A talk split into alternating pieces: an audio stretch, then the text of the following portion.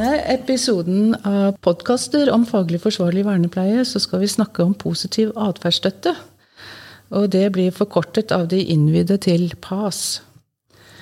Og på mange måter så kan en si at eh, Det er ganske betegnende å si, da. At eh, det blåser en PAS-vind over landet.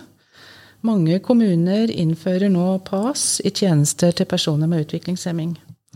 Det dannes faglige nettverk, og bare sist uke så fikk Facebook-gruppen til dette nettverket 52 nye medlemmer. Og da blir jeg litt sånn at jeg tenker hva er det med PAS som gjør eh, tjenestene som gir tjenestene et nytt løft? Og kan PAS bidra til å bedre tjenestene? Hva krever det å innføre PAS, og hvilke utfordringer i tjenestene tenker en at PAS skal bidra til å løse? I Sandefjord kommune eh, er, er det, satses det veldig på PAS. Og med meg i denne episoden har jeg Morten Uthaug og Johan, Anders Johannessen. Og mitt navn det er Laila Luteberget, og jeg jobber til daglig på VID vitenskapelige høgskole. Så da har jeg veldig lyst til at eh, kanskje vi skal begynne med Morten. Fortelle litt om eh, hvilken stilling du har i eh, Sandefjord kommune. Eh, og litt om litt om PAS og bakgrunnen for at dere ønsket å starte med PAS. Og så kan kanskje Anders følge opp etterpå. Ja, takk eh, for det, og takk for at han ble invitert. Eh, jeg blir bedt om å si litt om altså bakgrunnen for at vi valgte å gå for PAS som et felles eh, verdi- og faggrunnlag. Og det handler mye. Det, det, jeg vet ikke om eh, det er din kollega nå, eh, Laila, men var iallfall det i det tidspunktet som jeg gikk på, vernebleien på, på på Nærlandsheimen, så var Ulf og du gode kollegaer. Eh, og han var en person som jeg tok kontakt med i 2020. Og var litt på jakt etter litt tilbakemeldinger fra han på en artikkel som jeg hadde lest om PAS. Eh, grunnen til at jeg ønska å få litt mer informasjon av Ulf, det var fordi jeg var da eh, nyansatt som seksjonsleder i en seksjon som heter Bolig, aktivitet og avlastning i Sandefjord. Det er en seksjon som gir tjenester til personer, voksne personer med, med utviklingshemming i all hovedsak.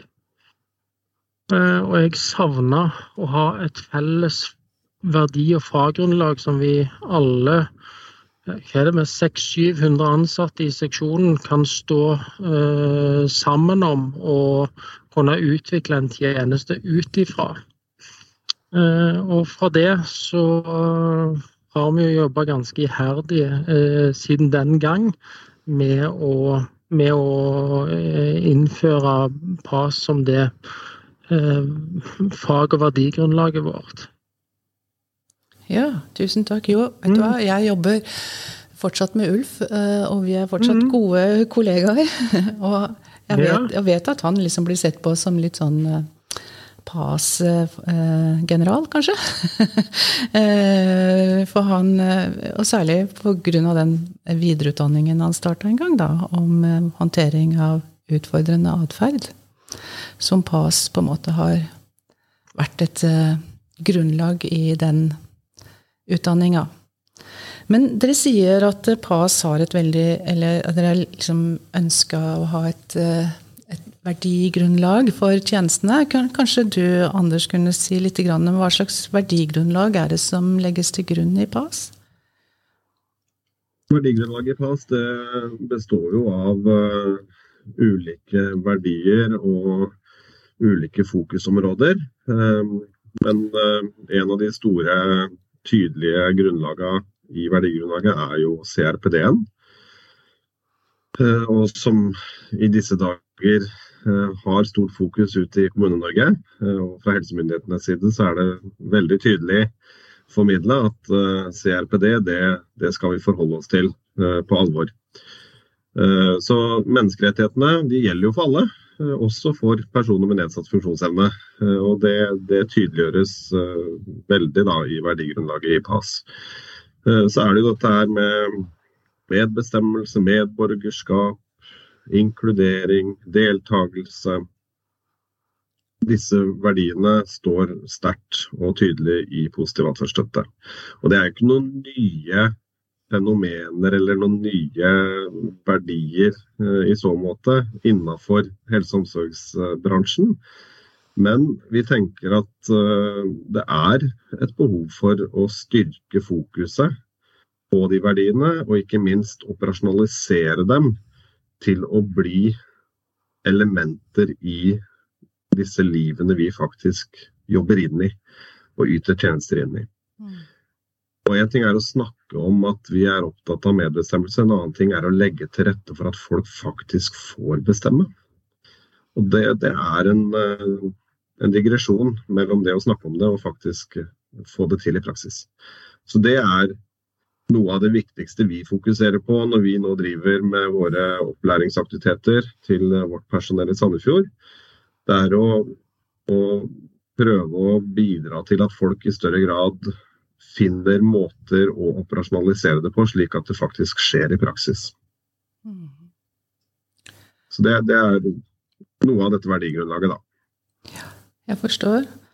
Og hvis jeg har fulgt med litt så, og, og, fått det med meg, så er det at i neste måned så skal det gå av stabelen en stor nasjonal konferanse i Sandefjord. Med plass, til, med plass til over 600 deltakere. Det er stort. Det stemmer. Ja.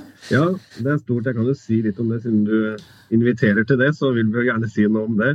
Eh, vi har jo eh, gjennom de to siste årene søkt tilskuddsmidler. Eh, både til noen fagnettverk i vår seksjon i Sandefjord kommune, men også for å etablere og drifte et nasjonalt nettverk for PAS. Eh, og når vi fikk midler da i fjor, så fikk vi etablert en styringsgruppe, og vi dro i gang eh, et nettverk eh, å rekruttere folk via en QR-kode og samle folk på en mailliste. Og så har vi prøvd å holde litt kontakt via den maillista og orientere litt om hva som foregår, og lagt til rette for noen PAS-relaterte aktiviteter da, som blir tilgjengelig for alle. Vi hadde f.eks. i mars en, et webinar om PAS-relaterte temaer. Og der var det i underkant av 500 personer innom i løpet av webinaret. Eh, og så har vi jo eh, også nå i senere tid begynt å legge mer informasjon ut på denne Facebook-gruppa som du eh, sa noe om innledningsvis. Og det er jo en Facebook-gruppe som er oppretta av Isabel Pedersen i Alta kommune. Eh, opprinnelig. Det var et kjempegodt initiativ. Og så har vi landa på at det er en veldig god informasjonskanal også for dette nasjonale PAS-nettverket. Så vi poster en del ting der. Eh, og en av eh, personene i vår styringsgruppe sitter også som administrator i den Facebook-gruppa. Bernt Barstad fra St. Olavs hospital. Og så har vi denne styringsgruppa som består av ganske sentrale fagpersoner på feltet innenfor både spesialisthelsetjeneste, akademia, og disse kompetansetjenestene, både NAKU og SOR. Eh, og, og, i ulike kommuner fra ulike tjenestenivåer da, og tjenesteområder. Eh, og vi prøver jo sammen å stimulere til aktiviteter som kan treffe alle PAS-interesserte eh, i Norge. Da. Og nå har vi denne konferansen som vi har lagt til Sandefjord. Vi finansierer den med tilskuddsmidler fra Helsedirektoratet. Så det er en gratis konferanse med plass til 650 personer, eh, og de får lunsj. Eh, vi dekker selvsagt ikke overnatting og reise, men det blir en fysisk konferanse. Og vi har ikke midler til å streame dette her eh, via, via digitale løsninger, for det, det, vil være ganske kostbart å få rigga et sånt oppsett i en så stor sal. Så Derfor er det en fysisk konferanse. Men vi gleder oss stort. Vi har nå i overkant av 500 påmeldte.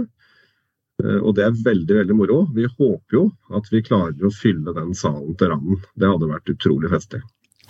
Ja, det er flott når så mange mennesker kan møtes om uh, fag. og jeg tenker at det er stort at dere har fått det til. Og jeg ønsker dere all mulig lykke til. Men det jeg kunne ønske at du sa litt om, det var hva de hva vil det kreve av ansatte i Sandefjord kommune for å kunne jobbe etter PAS? Hva er slags Denne konferansen er på en måte kanskje en, en del av det, men det må vel kanskje mer til for at den skal kunne fylle kravene til å jobbe etter PAS, da. Vil du si litt om det? Ja, det kan jeg si litt om.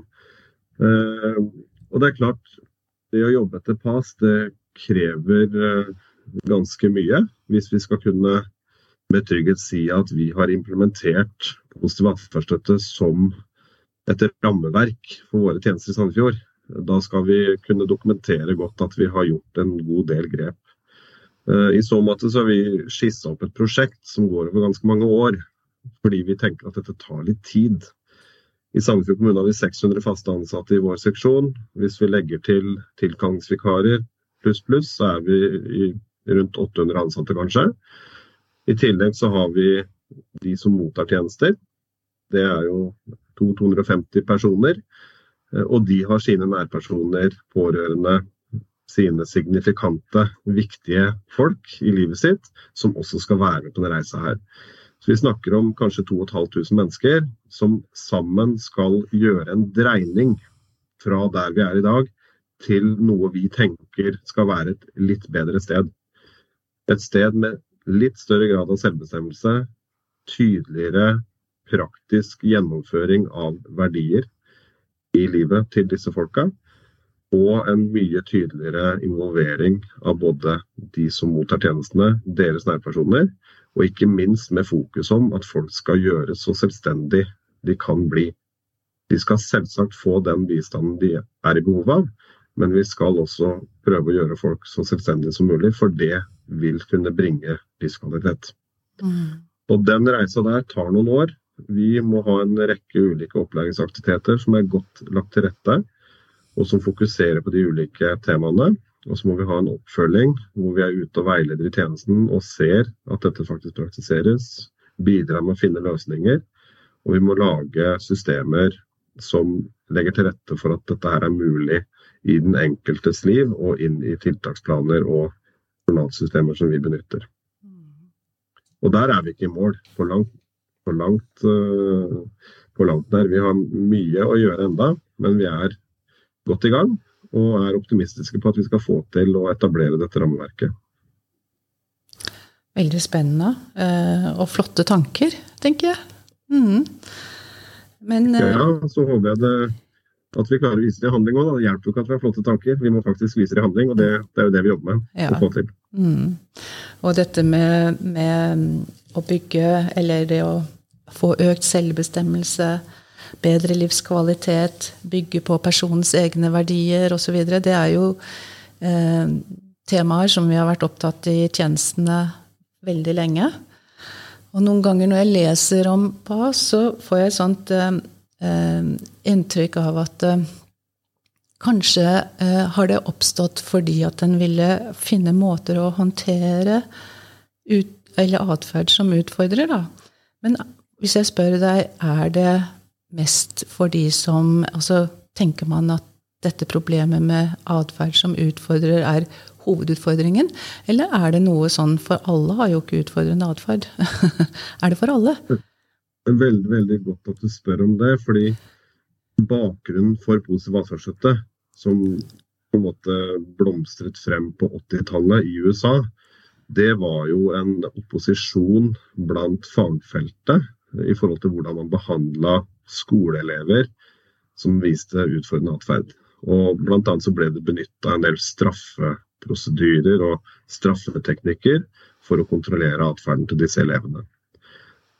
Så vokste det frem en, en, type motstand i fagmiljøene om at dette her er ikke greit. Eh, samtidig så var man opptatt av atferdsanalysen, som er en viktig teoretisk bærebjelke i PAS. Eh, at der var det gode strategier og teknikker å anvende for å fremme eh, positiv atferd. Og så, så, vokste på en måte denne positive atferdsstøttebevegelsen frem. Det skjedde også parallelt i Storbritannia. De har litt ulik Litt ulikt utgangspunkt, litt ulik innpakning, men nå har man jo landa på en sånn oppskrift nærmest med tolv nøkkelkomponenter som en tenker skal være til stede i PAS. da. Men vi tenker jo at PAS skal favne alle, Og hvis vi gir veldig gode tjenester til de som krever minst av uh, sånne helt individuelle intervensjoner, så vil det kunne føre til at de personene som har de største atferdsutfordringene, faktisk også vil få noe reduserte utfordringer. Fordi vi legger et rammeverk og et verdigrunnlag i bånn som skal være bra for alle.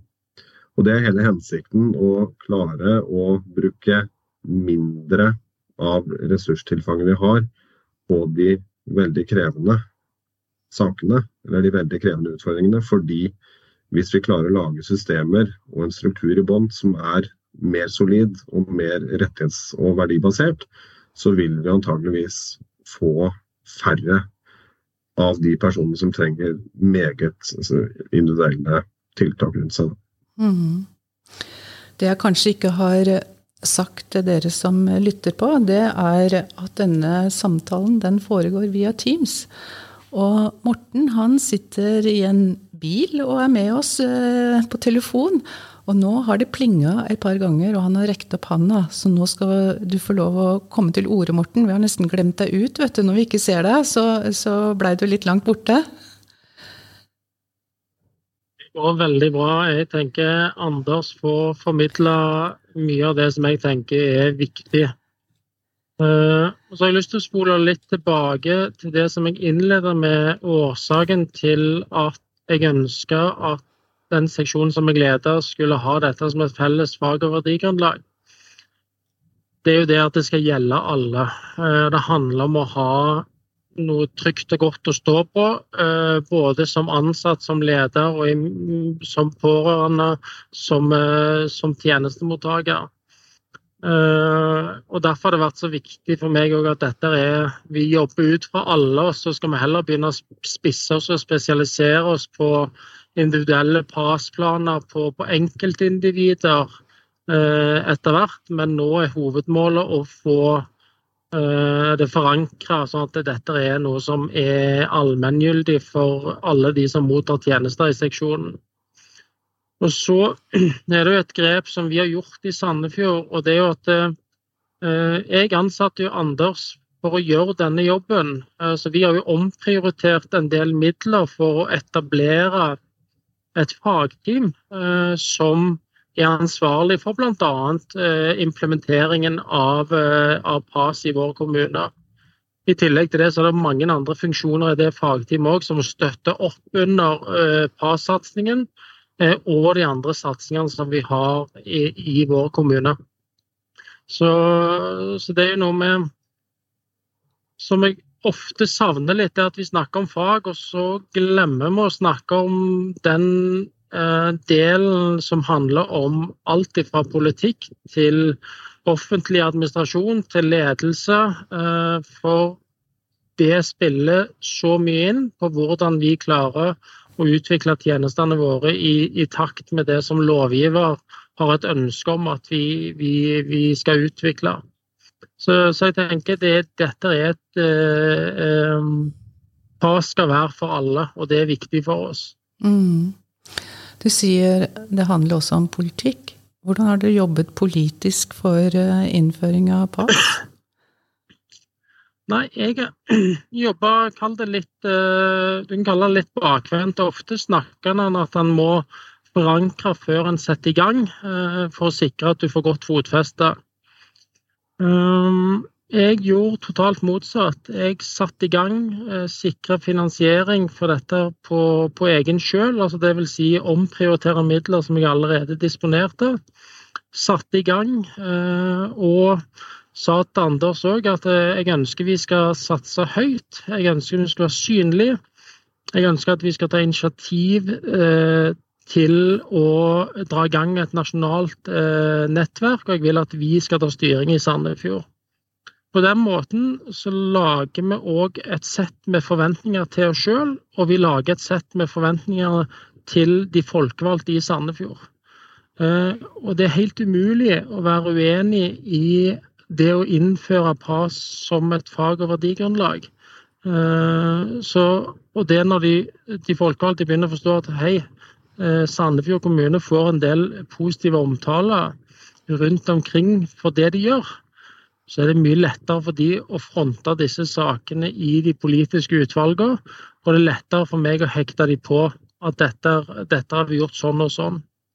Eh, så jeg tenker det å være bevisst på hvordan en jobber med de folkevalgte og egen administrasjon, er viktig når en skal ta litt større grep for å f.eks. det å innføre pass.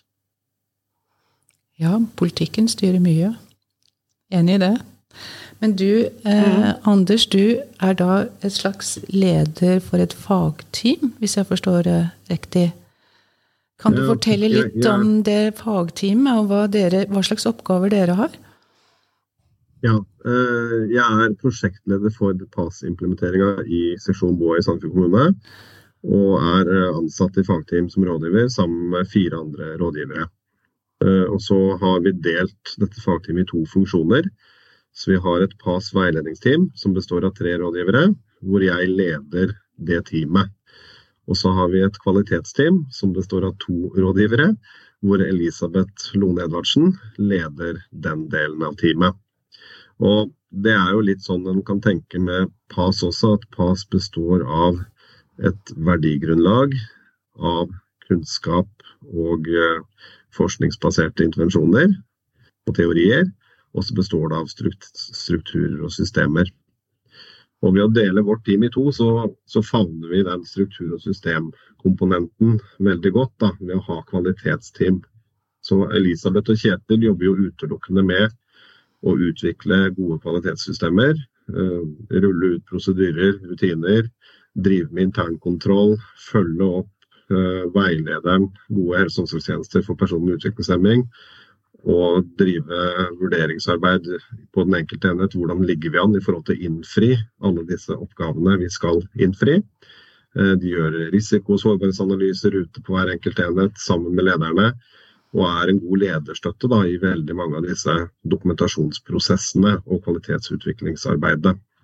Så har vi PAS veiledningsteam, som har ansvaret for kompetanseutvikling på PAS-biten i forhold til det faglige teoretiske grunnlaget og verdigrunnlaget. Eh, og vi har en veiledningstjeneste internt i seksjonen. Den starta vi opp i april i fjor. Eh, og har eh, hatt ca. 40 aktive veiledningssaker i den tidsperioden fram til nå. Og Det er alt fra at det kan være utfordrende situasjoner med å få til et smidig og godt samarbeid med pårørende. Det kan være at vi har en ganske alvorlig situasjon i forhold til selvskadende atferd. Det kan være komplekse tilstander som en prøver å finne ut av sammen med spesialisthelsetjenesten. Det kan være individualsamtaler med personer med lett psykisk utviklingshemming som trenger å vite litt hvorfor de har de utfordringene de har. Mm. Psykodepresjon person osv. Så, videre. så det er veldig ulike problemstillinger som henvises inn til veiledningsteamet vårt. Og så prøver vi å bistå lokalt ute på de enkelte avdelinger og enheter. Og vi prøver å styrke fagpersonen der til å håndtere disse utfordringene sammen med oss. Så det også er en form for kompetansebygging som eh, jeg tenker er helt undervurdert. Og vi har et mål om å løse en god del av det som tidligere har blitt henvist til spesialisthelsetjenesten fra Sandefjord, ønsker vi å løse sjøl, fordi vi faktisk har mye kompetanse i vår seksjon. Vi har mange, mange gode faglig kvalifiserte personer. Mm. Dere prøver nå å sette dette i et system, forstår jeg. Jeg har ja. bare lyst til å spørre eh, om eh, det å vite Det å ha alle disse systemene og dette fagteamet og oppfølging i de ulike eh, tjenestene har dere, har dere, noen tanker om hvordan dere har tenkt å følge det opp? Eh, at, det går med, eh, at implementeringen går slik som man har planlagt, da, og at det skjer positive endringer. For det er jo det som er hele bakgrunnen for å, for å gjøre denne jobben. Men har dere noen tanker om det? Det har vi. Vi har eh, samla en del data før vi starta implementeringsfasen bl.a. gjort en kompetansekartlegging eh, hos vårt personell, hvor vi har 200 respondenter som har fullført den kompetansekartlegginga fullstendig. Det var over 400 personer som var inne og delbesvarte, men vi har 200 helt fulle svar. Hvor de har kartlagt sin egen kompetanse basert på teoretiske spørsmål og en selvvurdering av hvordan de anser egen kompetanse på ulike områder. Så ser vi på korrelasjonen mellom hvordan de selv vurderer seg, og hvordan de faktisk scorer på teoretiske spørsmål. Dette er kjørt som et pre-post-test-design, så vi kommer til å kjøre en posttest nå når vi er ferdig med 20 grunnopplæringsdager, identiske kursdager, som er kjørt 20 ganger. Hvor vi da faktisk ser ut til å ha gjennom 600 personer. Da kjører vi en ny eh, posttest, da, for å se om vi har i løpet av dette året klart å utvikle kompetanse. Den surveyen kan vi kjøre gjennom kanskje to år eller tre år for å se om vi har klart å bevare og øke kompetanse uavhengig av turnover og utskifting av personell.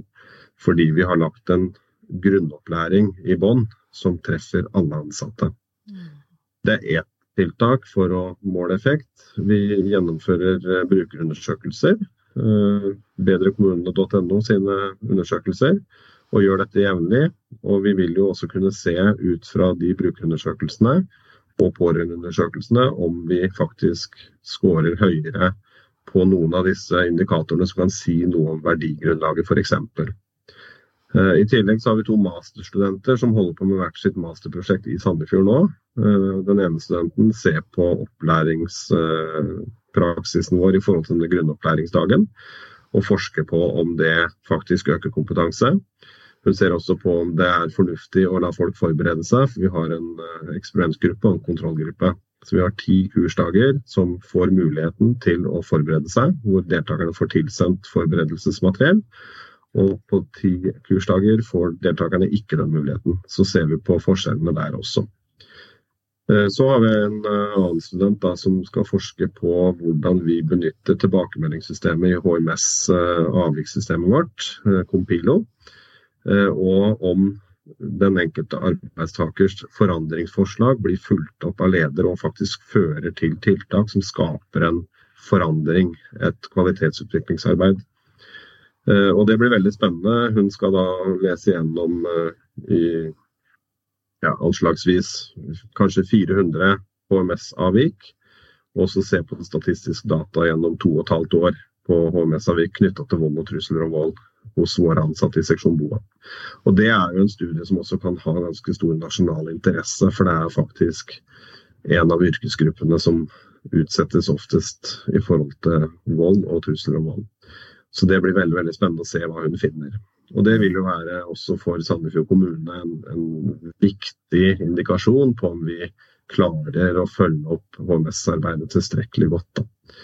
Så vi har lagt opp til en del sånne små forskningsprosjekter som gjør at vi vil få tak i data som vil gi oss indikasjon på om vi er på rett vei eller ikke. Og så vil vi jo ha gjennom nå oppretta et brukerråd som uh, hadde sitt første møte, eller skal ha sitt første møte nå i disse dager. Uh, så, så, vil vi jo få henta inn også brukererfaringer og deres stemme i mye tydeligere grad. Og de vil jo ha påvirkning også på hvordan vårt kvalitetsråd og kvalitetsutvalg i seksjonen, som også består av pårørende og andre interessenter, uh, de vil kunne påvirke hvilke områder vi skal jobbe for utvikling på videre i årene som kommer. Så vi har trua på at vi har gjort noen strategisk gode grep for også å overvåke denne prosessen vi er i gang med. Mm. For det er jo en vesentlig del av det at man får vite noe om at det, det virker sånn som man hadde tenkt. Så lurte jeg på, Når du snakker nå, så tenkte jeg på det er jo mange kommuner som innfører PAS. Har dere noen samarbeid på tvers av kommunegrenser om eh, kunnskapsutvikling når det gjelder PAS? da? Det har vi, eh, og det har vi jo både sett som et resultat av å etablere dette nasjonale nettverket. Eh, vi ser også at det å samarbeide tett med Stiftelsen SOR og NAKU i forhold til å spre informasjon, det genererer en del kontaktpunkter mellom ulike PAS-aktører. Eh, Sandefjord kommune har fått mange henvendelser. Eh, akkurat i dag sitter jeg i Tromsø. Vi hadde en kickoff med Tromsø kommune i går, eh, min kollega Magnus og jeg. hvor vi ga en innføring i PAS og prøvde å inspirere Tromsø kommune på hvordan de kan gjøre det når de skal implementere, implementere PAS som sitt rammeverk i tjeneste for habilitering fremover. Vi har hatt møter med Trondheim kommune, med Signo Vivo i, som ligger i Andebu. Uh, vi har hatt møter med Fredrikstad kommune. Vi har hatt møter med spesialisthelsetjenesten i, på sykehuset i uh, Telemark, altså voksenhabilitering der, eh, og flere andre kommuner. Så vi deler erfaringer, og vi henter erfaringer fra andre. Og jeg opplever at det er en veldig god delingskultur innenfor dette PAS-nettverket. Så det, det spirer og gror mange steder, og vi har mye å lære av hverandre. Ja, flott å høre. Mm. Hvordan er det med deg, Morten? Er du fortsatt med oss? Kanskje. det blei stille eh, for Morten nå, men eh, plutselig så er han der igjen. Det var i hvert fall veldig interessant for meg å lære mer om implementering av PAS. Man kan jo lese artikler om PAS, men hvordan en faktisk gjør for å implementere PAS i en kommune, og hva som skal til, helt ifra politikk til å evaluere tjenestene, det er, eh, det er mange ledd og veldig mye eh, og en stor jobb. Så jeg ønsker dere all mulig lykke til. Og så vet jeg at dere er i oppstartsfasen, og jeg håper at vi kanskje kunne treffes igjen ja, om eh, et år, halvannet, og så kunne kanskje få en ny samtale om hvordan det går, og hva dere har lært i den perioden der.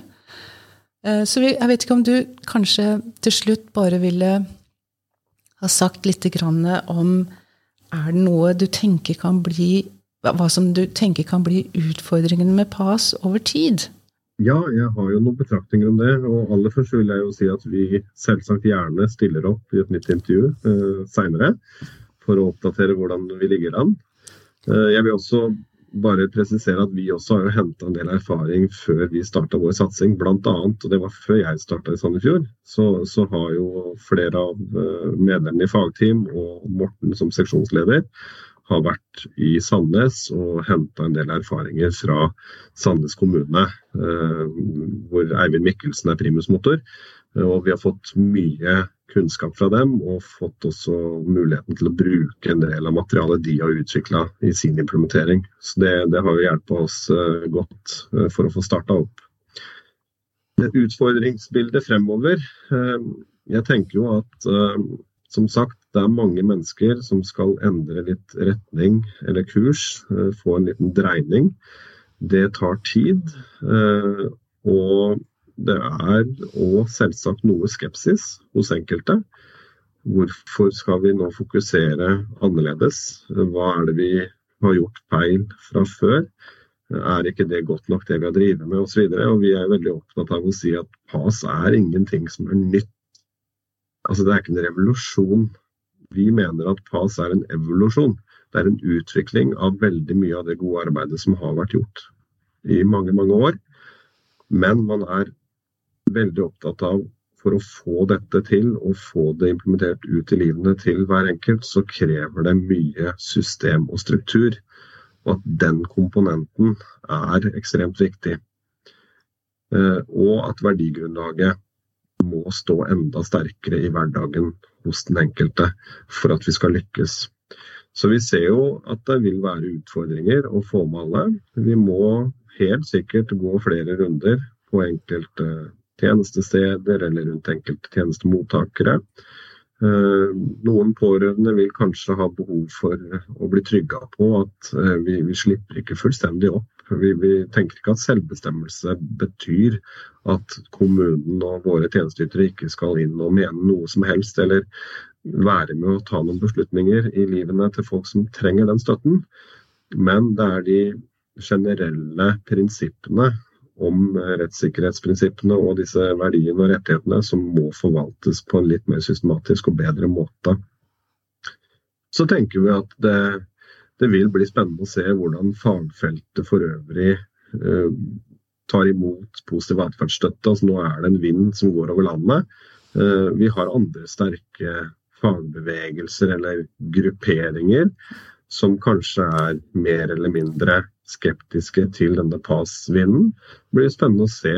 Kan vi klare å enes om at alle disse ulike innfallsvinklene, alle disse ulike eh, hva skal man si, eh, ikke grupperinger nødvendigvis, men de ulike fagområdene folk samler seg om, de kan være komplementerende og ikke nødvendigvis i konflikt med hverandre. Så det blir jo veldig spennende å se hvordan dette går fremover. Mm. Vi vet vi har uh, lagt opp til en, en, stor jobb, men vi har rigga oss med gode fagpersoner, uh, ressurser til å gjennomføre det. Og vi har en motivasjon og en tro på at dette her faktisk er uh, mulig. Og så har vi satt av god tid, og det tror jeg er veldig, veldig viktig. Dette er ikke noe, det, dette er ikke noe quick fix, og det er ikke noe hurtigløp. Vi skal løpe maraton, og da må vi løpe lenge. Det er en pågående evolusjon, forstår jeg. Ja, jeg liker å tenke det, da. ja. Er du enig i det, Morten? Det ser ut til at Morten har falt ut uh, det ser sånn ut, telefonen. Men uh, jeg kan nok med ganske god trygghet si at Morten er enig i det. Uh, Morten er tett på fagteam, tett på PAS-satsinga, og er jo en meget god premissleverandør for at vi skal få gjøre den jobben vi skal gjøre.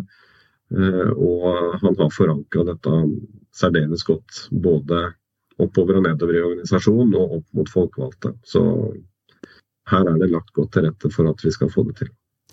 Kjempeflott. Tusen takk for en eh, fin samtale om PAS. Jeg lærte mye. Jeg håper at dere som hører på, også lærte litt mer om PAS, og hvordan eh, det rigges i kommunene for å jobbe etter PAS. Takk for oss.